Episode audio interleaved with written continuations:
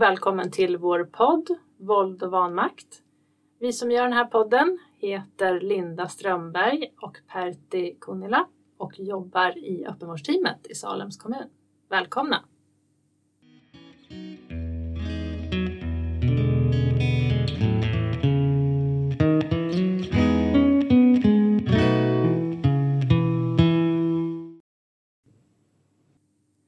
Hej Pertti! Hej Linda! Vi kanske ska berätta att vi har en praktikant med idag också. Ja, det Mm. känns lite spännande. Ja, Vi har med, fått låna vår praktikant Erika som är med idag. Trevligt att ha med dig. Detsamma. Och du ska sitta med och lyssna lite och så kanske vi frågar lite om vad du får för tankar. Som blivande socionom känns det jätteviktigt att fundera kring just den här målgruppen tänker jag också. Mm, absolut. Absolut. Mm. Och idag tänkte vi väl Pertti att vi skulle titta tillbaks lite grann på dels det avsnittet när vi träffade din tidigare klient mm. som också faktiskt sen eh, var med i P4 Södertälje och beskrev lite mer ingående om jobbet här och vad det hade betytt för honom. ja. En riktig ambassadör för vårt jobb faktiskt. Verkligen. Ja. Ehm. ja, ehm. Han är ju också, han, han är inte bara generös med, med att dela med sig av sina erfarenheter utan han är, han är ju faktiskt också väldigt modig. Mm. Eh, och det som, som jag slås av eh, och har slagits av tidigare också det är ju just det som han besitter som ändå är en förmåga att se att han som pappa vill vara en pappa att se upp till. Mm. Inte en pappa att vara rädd för. Nej. Och, och hur han också beskriver vid något tillfälle där i, i radiosändningen hur han eh, slår sitt barn och han ser rädslan i sin, sitt barns ögon och hur, hur, hur eh, mycket det tog i honom. Och jag tänker att det är nog dit vi behöver komma som våldsutövare överhuvudtaget. Där vi förstår att vi inte vill göra folk illa. För det är min fullständiga övertygelse som, som behandlare i alla fall. Att, att eh, vi på ena eller andra sättet hamnar i vanmakt och så gör vi det som vi eh, är uppväxta med. För det var ju vad han beskrev. Mm. Eh, men också att, att det jag har hört tidigare, att mitt ordförråd tar slut. Eh, och i vanmakt så, så blir jag arg istället och så, så tar det där över. Om jag inte har koll på det. Ja, för jag, och jag har tänkt också på det här så precis som du är inne på hur han beskrev också vad han själv var lärd. Vad har han Mm. vuxit upp med? Det har ju vi varit inne på förut också, men det här med att någonstans bryta det här arvet som vi ibland får, som vi inte ber om, men att vi gör lite ibland som våra föräldrar har gjort. Mm. Det tyckte jag var fint, hur han också någonstans satte ord på det, att han hade nästan önskat att hans mamma hade kunnat fått den hjälpen han fick. Ja. Och det tänker jag handlar ju, tycker jag generellt, vårt jobb väldigt mycket om. Förändringsarbete tycker jag handlar ganska mycket om oavsett om det är att vi är våldsutövare eller ja, andra svårigheter som vi har. Att någonstans bryta mönster. Och det tyckte jag han, han beskrev och det krävs ju ett mod ja. för att bryta mönster. Det är oftast Mm. lättast att göra lite som vi alltid har gjort. Ja, och, eh, både det att det är lättast att fortsätta göra som man alltid har gjort, men, men också eh, den här vilsenheten i att tro att livet på en eller andra viset eh, är färdigskrivet. Att, att det inte går att förändra. Att jag är som jag är. Och, och, och jag hade ju förmånen att sitta med praktikanten eh, en stund innan eh, vårat avsnitt här. Jag tänker att vi pratade ganska mycket om det. Att, att eh, vilja förändras eller inte vilja förändras. Jag tänker att alla vill nog förändras men man behöver förstå att det går att förändra. Och att jag inte eh, helt och hållet är skyldig till vissa beteenden som jag har. Ehm, för vi ska ju alltid liksom ha någon skyldig till någonting och sådär. Jag tänker att vi är ju lite mer komplicerade än så. Vi är präglade från det vi kommer ifrån. Vi kan ta vilka beslut vi vill i livet. Om att jag ska inte vara på det här viset. Jag ska inte slå mina barn till exempel. Eh, men om jag inte i aktiv handling gör saker och ting för att förändra det och för att inte hamna där så är risken stor att jag gör precis som det jag har blivit lärd. Mm. Och att då förstå och jag tänker att det är där mitt jobb som behandlare kommer in. Att, att jag behöver någonstans utstråla att, att det är inte du som människa som är dålig. Men du har beteenden som är ganska förkastliga om du ska ha en bra relation till dina barn. Och att jag också kan förmedla att det faktiskt går att förändra det. Om jag kan göra det.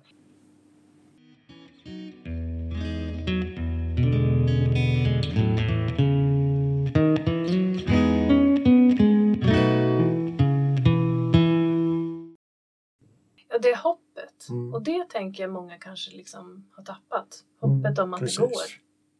Och lite grann, ja, ja, den här podden den heter ju Våld och vanmakt och vi mm. pratar ju mest om våldsutövare. Mm. Jag tror att ganska många som lyssnar tänker att det inte handlar om dem.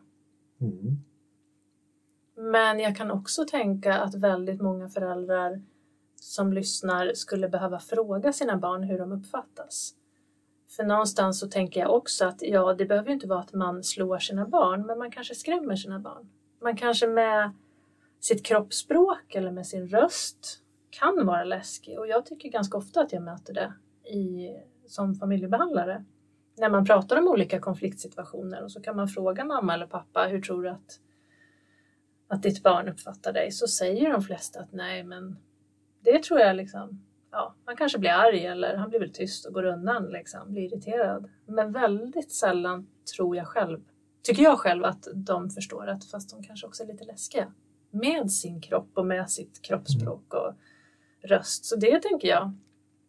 Jag skulle nog vilja uppmana de som lyssnar att fråga dina barn hur du är när du blir arg eller när du sätter gränser.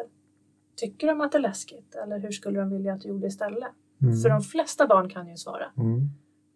Och de skulle, en del barn skulle kanske kunna säga att du blir lite läskig pappa när du höjer rösten mm. eller mamma jag blir rädd när du blir sådär snabb i rörelserna och börjar liksom, jag hör nästan när du håller på i köket att du är arg. Mm.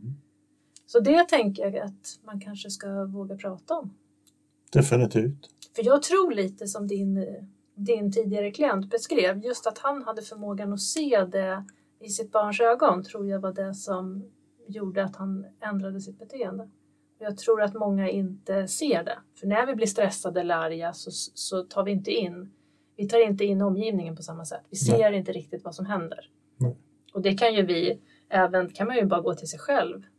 Om jag har en, ett tjafs med min man så kan jag ju nästan glömma bort liksom, vad som händer runt omkring. Jag tänker mm. inte på om min 15-åring sitter i soffan eller inte. Eller, och mm. då är det, alltså det gör något med oss när vi blir upprörda. Vi tappar, ja. liksom, tappar kollen faktiskt kan man säga.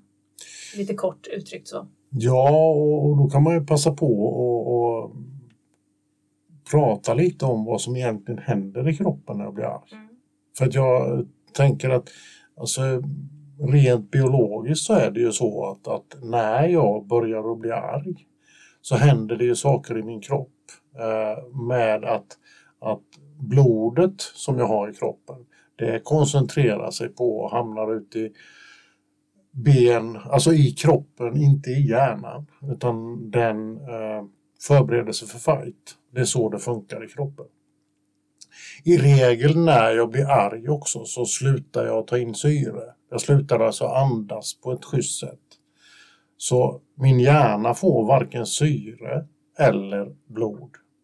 Vilket innebär att jag tänker mycket, mycket sämre än jag skulle göra om jag faktiskt stannade upp, eh, lät blodet komma tillbaka till huvudet och dessutom andas djupt.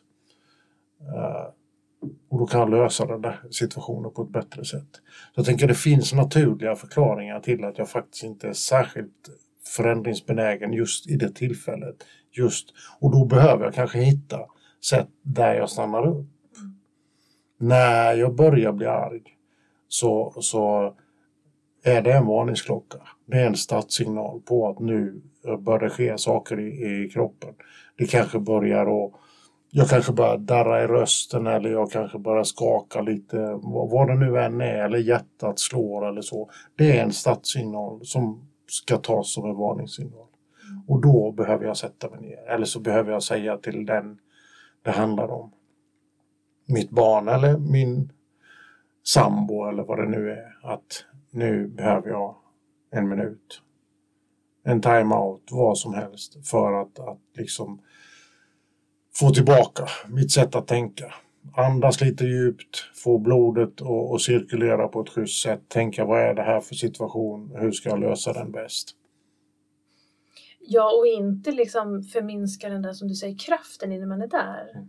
För jag, min känsla är också att ganska många skulle vilja liksom de försöker lösa det i stunden. Men att man är förberedd på det innan tänker jag. Precis. Ganska ofta i ja. vårt jobb handlar det, tycker jag, om att försöka se de där risksituationerna. Mm. När är det jag blir förbannad? Eh, är det precis när jag kommer hem och har haft en tuff dag på jobbet och min värsta triggers det är när jag kommer in i hallen och ser att det bara är en hög med skor och jackor slängda i hallen. Mm. Ja, men då behöver jag ju prata om den situationen i samtal. Vad ska jag göra innan? Mm. Behöver jag stanna på macken och ta med en kaffe? Behöver jag djupandas några gånger? Behöver jag lyssna på någon skön låt när jag går in i hallen? Alltså någonstans att vara lite förberedd på att det här kommer och dra igång mig. Och det behöver man ju ofta planera innan tänker jag. Definitivt. Inte i stunden, för då är det svårt.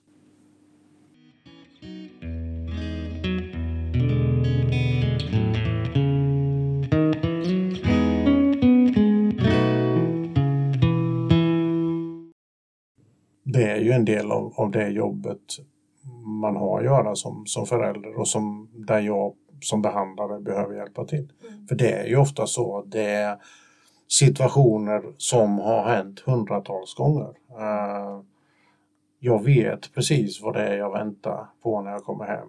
Uh, då ligger de där skorna som du säger och vad, vad det nu är. Att då på vägen hem kanske köpa sig en där kopp kaffe men kanske också sätta sig och dricka ur den kaffen för sig själv och göra en mental förberedelse på hur jag ska hantera en situation när jag kommer hem. Mm. Vad, hur den nu än ser ut. Det är en jättebra början. Mm. Men att bli medveten om att det här är ett problem jag har. Det här är ett upprepande problem. Det här har pågått hur länge som helst. Och det blir inte bättre om inte jag gör någonting. Så att den här stresshanteringen eller vad man nu än vill kalla det eh, Eh, som man kan göra i, i, eh, i förebyggande syfte är ju skitbra. Ja, för ofta så är det ett återkommande mönster. Ja. Jag tycker nog när vi träffar människor och när man tittar på sig själv också för den delen så är det ju det är ju ett tydligt mönster vad som får igång oss. Mm. Och det är helt olika från människa Precis. till människa. Men vet jag att det alltid är vid vid sänggående som jag blir förbannad för mm. att mitt barn, jag måste säga till tio gånger för att han inte går in och borstar tänderna. Ja, men då är ju det en situation jag måste förbereda mig på som du säger. Ja. Kanske börja en stund innan eller se till att jag faktiskt har kommit ner i varv innan. Gör någonting för mig själv. Ofta handlar det om att ta hand om sig själv mm. och sina egna känslor. Ja. Jag hade någon mamma som beskrev det där så fint, hon, eller fint, men hon beskrev det väldigt tydligt att hon ofta pratade med sin mamma i telefon på vägen hem i bilen. Och det var alltid innan hon skulle hämta barnen på förskolan. Och det var inte en jätte, jätteenkel relation till hennes mamma. Så, och det var att hon pratade med henne ända fram till hon liksom stod vid dörren in till förskolan. Och sen så beskrev hon hur de här hämtningarna blev jättejobbiga och barnen ville inte följa med. Hon var uppvarvad och stressad. Mm.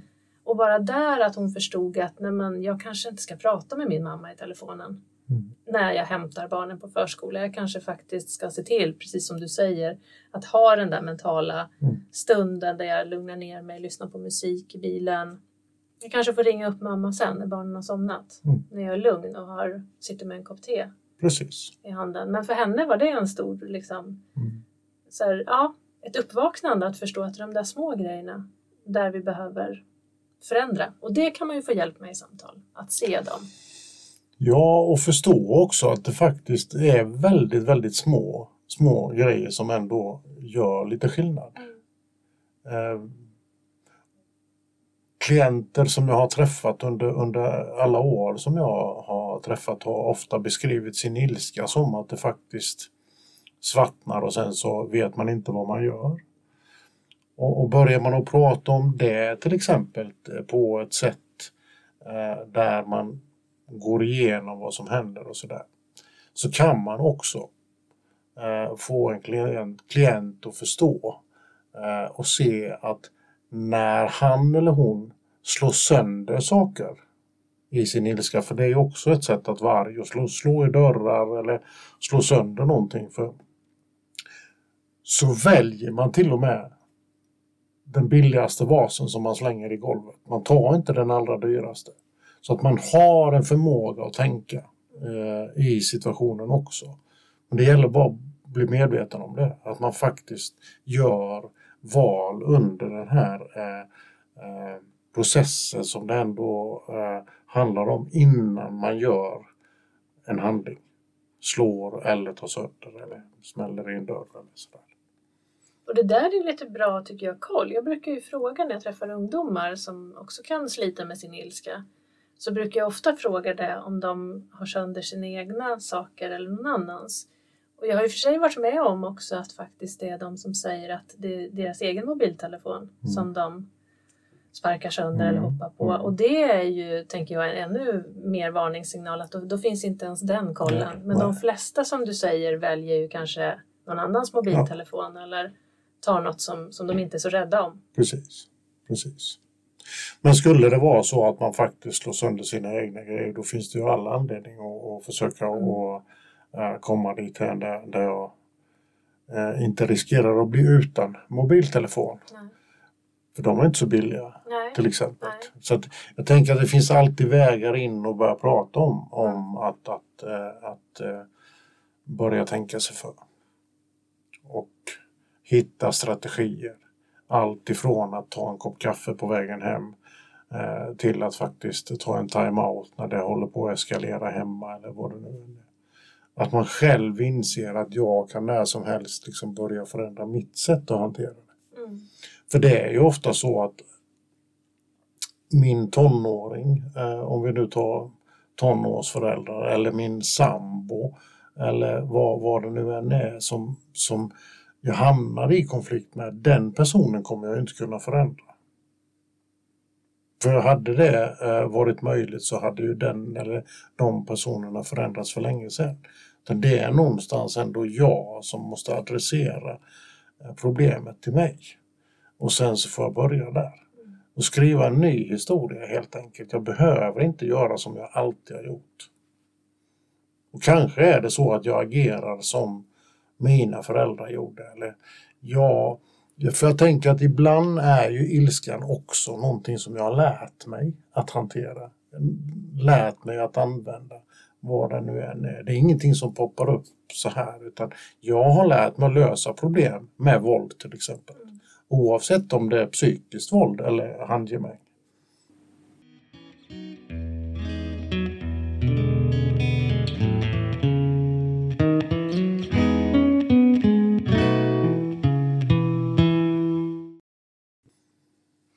Där lär vi ju som föräldrar, tänker jag också nu.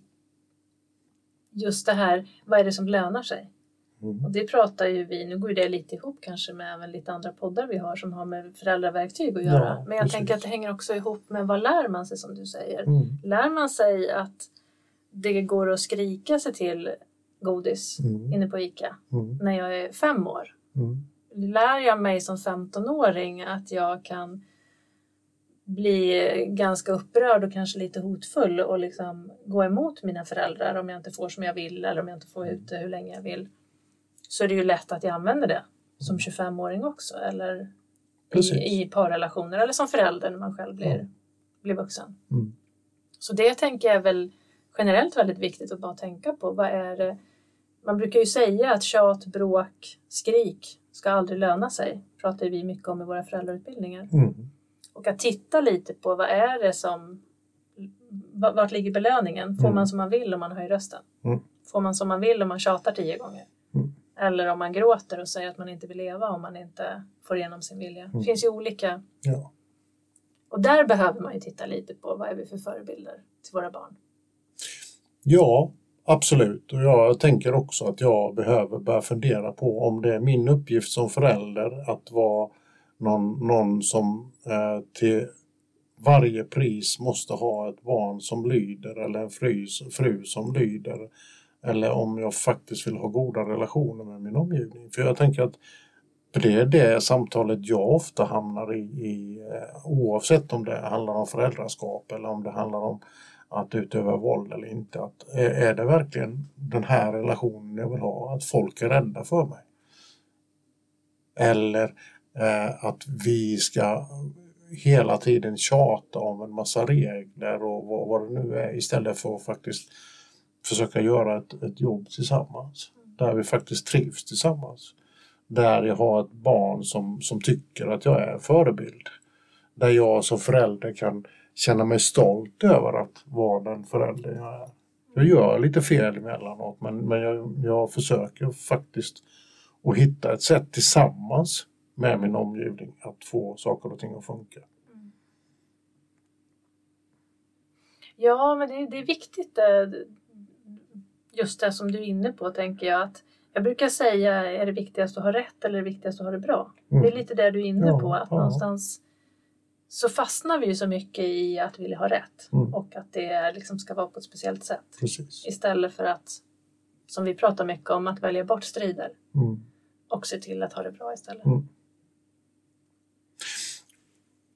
Och jag tänker att, att varje förälder, oavsett hur det ser ut, har ju från början en, en önskan om att vara en bra förälder.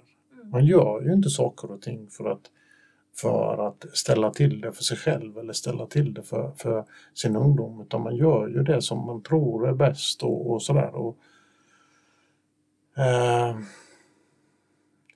jag tror ju nämligen inte att man skaffar barn för att göra barn illa.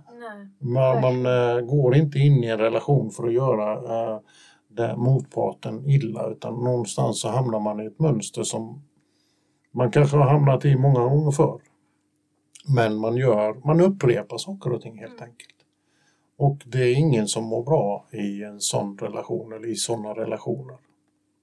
Nej, och jag kan fundera lite på det där också att alltså när vi tar till sådana liksom, beteenden så känner vi oss rätt dåliga oftast själva. Och jag kan slås av hur ofta jag träffar föräldrar som beskriver att, ja, men, att de känner sig så dåliga och misslyckade. Mm. Och kanske också ännu värre idag när man jämför sig på sociala medier. Jag tror att ganska många kan känna den där maktlösheten och vanmakten i att men vänta, jag kan inte få min 14-åring att lyssna. Eller jag kan inte få min 10-åring att stänga av sitt spel när jag säger att vi ska äta middag. Mm. Och så finns det massa idéer om att vi ska vara de här föräldrarna som liksom lyckas fostra våra barn till att följa regler Mm. eller tacka för maten Mm. eller städa sina rum. Eller... Och det kan jag ofta slås av Mm. att nej men, det är ju inte riktigt så det ser ut. Nej. De flesta föräldrar håller på med det hela tiden. Att försöker få regler att funka och så tappar man regler och sen så orkar man inte hålla i dem och så gör man det åt barnen och sen så tar man tillbaks det.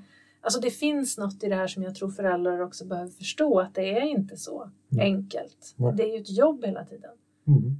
Men att sluta jämföra sig och, och lyssna så mycket på alla tips och råd. Jag hade någon mamma förra veckan med två tonårsbarn som pratade vi mycket om det där med att hon kände sig så dålig och hon ville få alla regler att funka och de städade inte och de plockade inte undan efter sig. Och, men som tonåringar gör, skulle jag säga. Och hon tyckte att det var så skönt efter vårt samtal för då sa hon det att nej, men jag ska nog kanske liksom ta bort några av alla mina regler.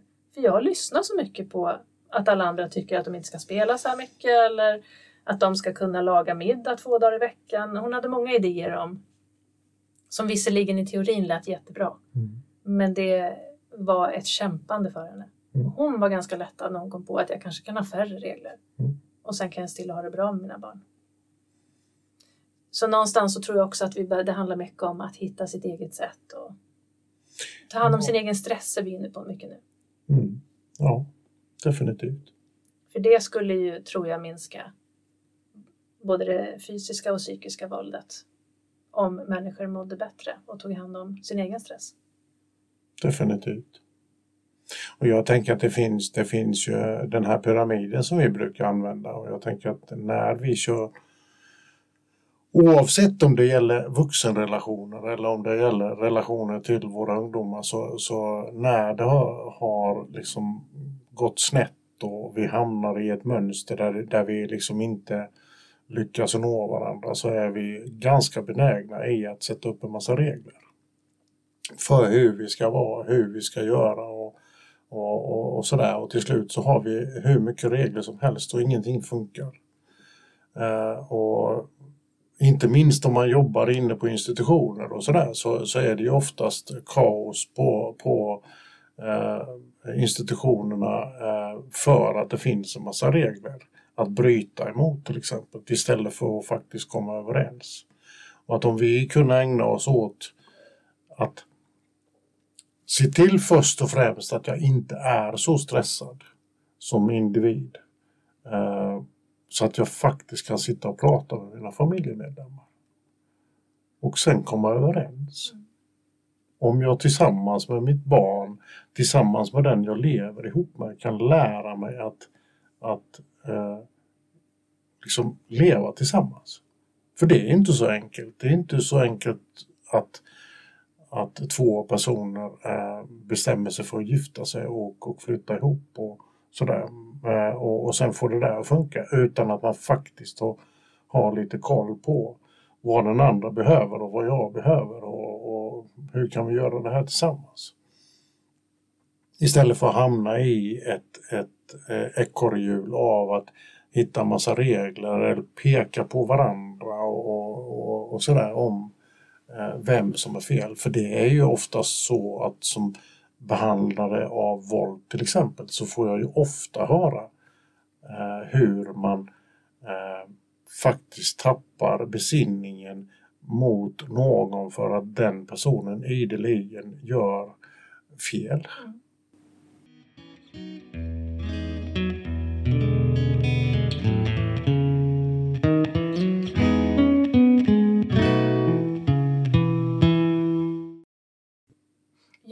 Tror det här med att man trappar upp, för det tycker mm. jag känner igen mm. ibland. Att både det här, men det funkar inte så jag måste nog ta i ännu mer.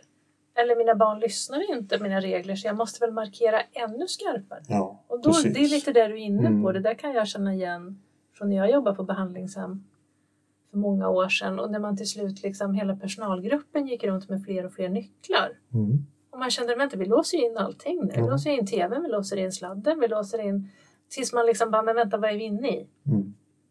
Det här är tankefel, vi kanske måste göra precis tvärtom. Mm. Det handlar ju inte om fler nycklar och fler regler, det handlar ju om att sätta sig ner och prata om hur ska vi få det här att funka. Mm. Det här och det här drar igång mig, det här och det här det är inte okej. Mm. Eh, men att ha den, den dialogen. Ja. Och hela tiden fråga sig själv, vad har jag för ansvar i det här? Mm. Jag tänker ändå att det behöver börja med var och en. Mm.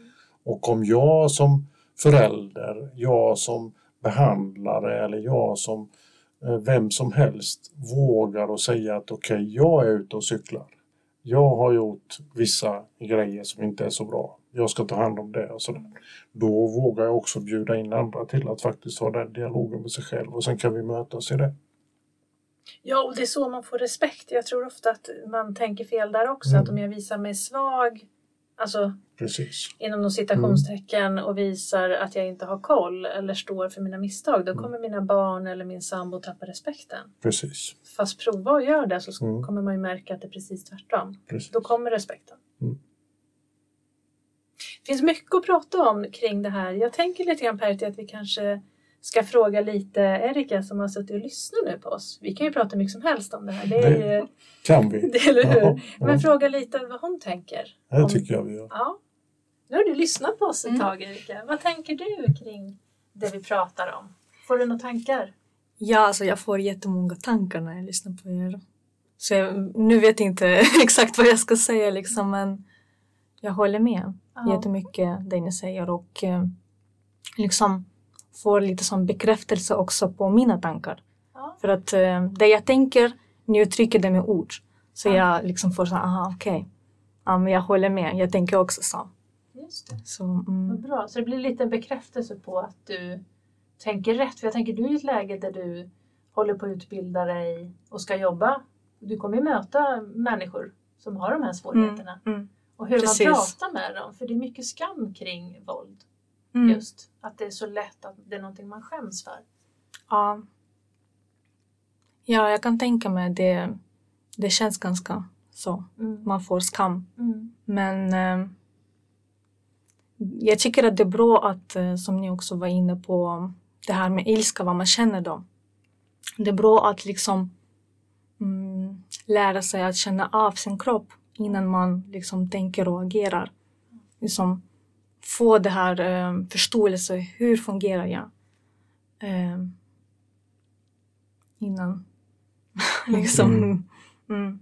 Det är jätteviktigt. Vi har, tror jag faktiskt, pratat om det men det är ju en sån sak man behöver prata ännu mer om. Kroppens signaler. Att Mm. kunna lära sig och känna av sin kropp.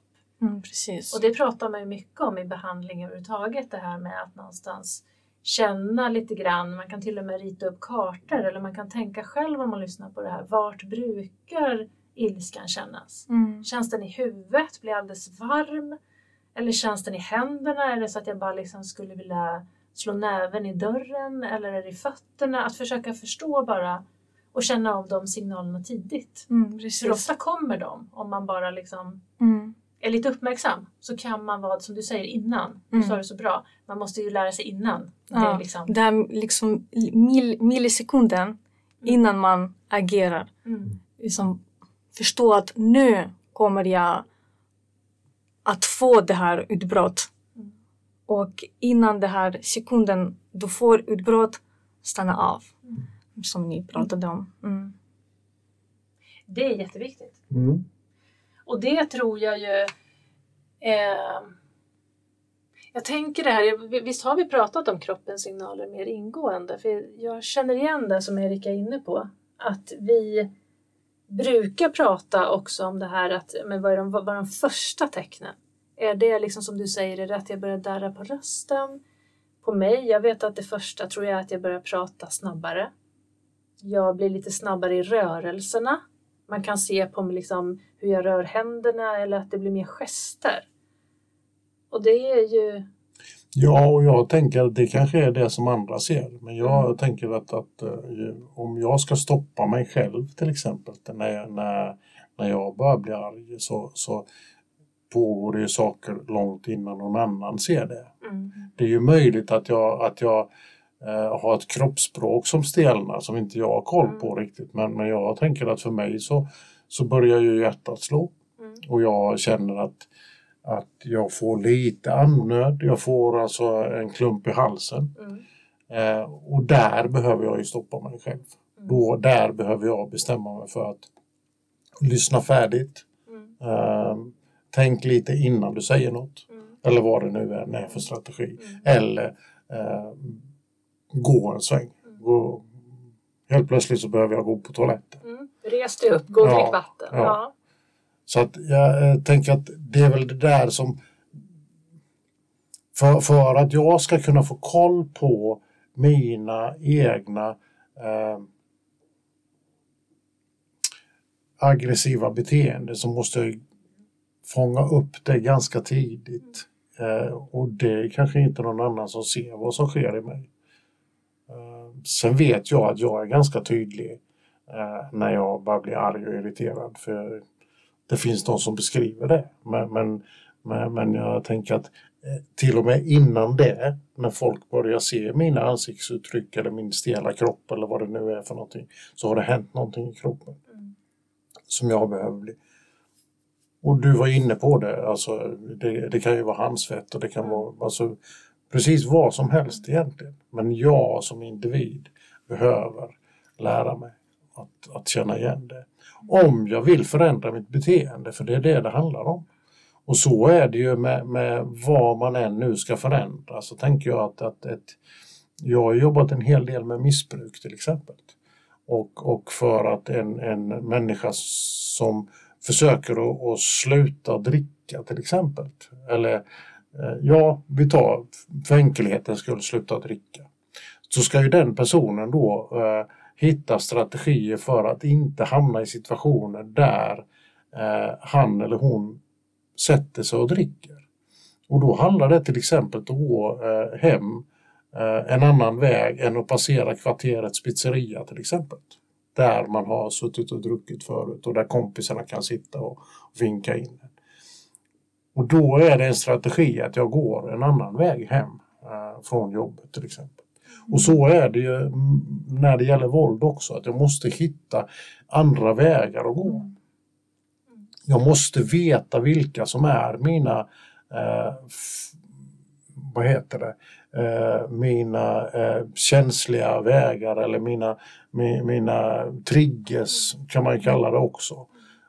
Och när jag väl har identifierat det så behöver jag också göra någonting åt det. Så att bara det att jag har en insikt om att jag har de här triggerserna hjälper ju inte. Utan jag behöver också lägga till en handling i det då. Hitta strategier. Ja, mm. precis. För det tänker jag lite kanske blir jag skulle vilja göra det som någon slags avslutning på det här avsnittet, att ge någon hemuppgift till de som lyssnar. Att mm. någonstans sätta sig och ta det här på allvar och försöka förstå vad är det för, för signaler i din kropp? Vad är de första signalerna som du känner? Är det hjärtklappning eller att du får snabba rörelser eller svårt att andas? Mm. Klumpen i halsen? Mm. Att, att faktiskt ta det på allvar oavsett om man är en sån som slår eller höjer rösten. Eller, men jag tänker att alla behöver kanske lära känna sina egna signaler. Så det tänker jag vi kan skicka med kanske som en hemuppgift. Och jag skulle också vilja lägga till en hemuppgift till. Fråga din omgivning hur mm. du uppfattas. Speciellt som förälder skulle jag faktiskt vilja lägga till den. Fråga dina barn. Gå hem och fråga om de tycker att du kan bli läskig eller svart i ögonen.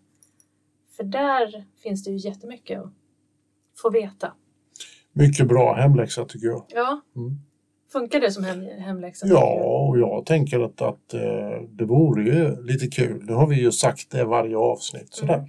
Att eh, vi finns på mail och, och mm. sådär. Så att, eh, ställ frågor. Eh, kanske till och med skriv dit att ja, det här fick jag reda på när jag pratade med min omgivning. Mm. Det är jättebra. Mm. Och det är bara att mejla på perti.kunila.salen.se eller linda.stromberg.salen.se. Så det är jättebra att du säger, hör mm. av er mm. med eh, om ni har gjort den här hemuppgiften och hur det gick. Jättespännande. För, för jag tänker också att det är ett sätt att hålla igång den här podden. Mm. Vi har ju snart pratat mm. om allt som vi kan prata om. Mm. Eh, om vi inte ska då liksom börja upprepa oss och sådär. Men jag tänker att poddavsnitten kan ju också börja handla om vad ni undrar över som finns där ute. Mm. Vad ni behöver, vad ni skulle vilja ha med av. Mm. Så hör av er mm. med tips och idéer och också gärna om ni tänker att, eh, som du var inne på, fler teman. Ja, mm. precis. Bra, vad trevligt att ha med dig Erika idag också. Tack så mycket. Mm. Det var trevligt för mig också att vara här. Mm. Tack. Ja, men då säger vi så på återseende. Tack och hej. tack och hej.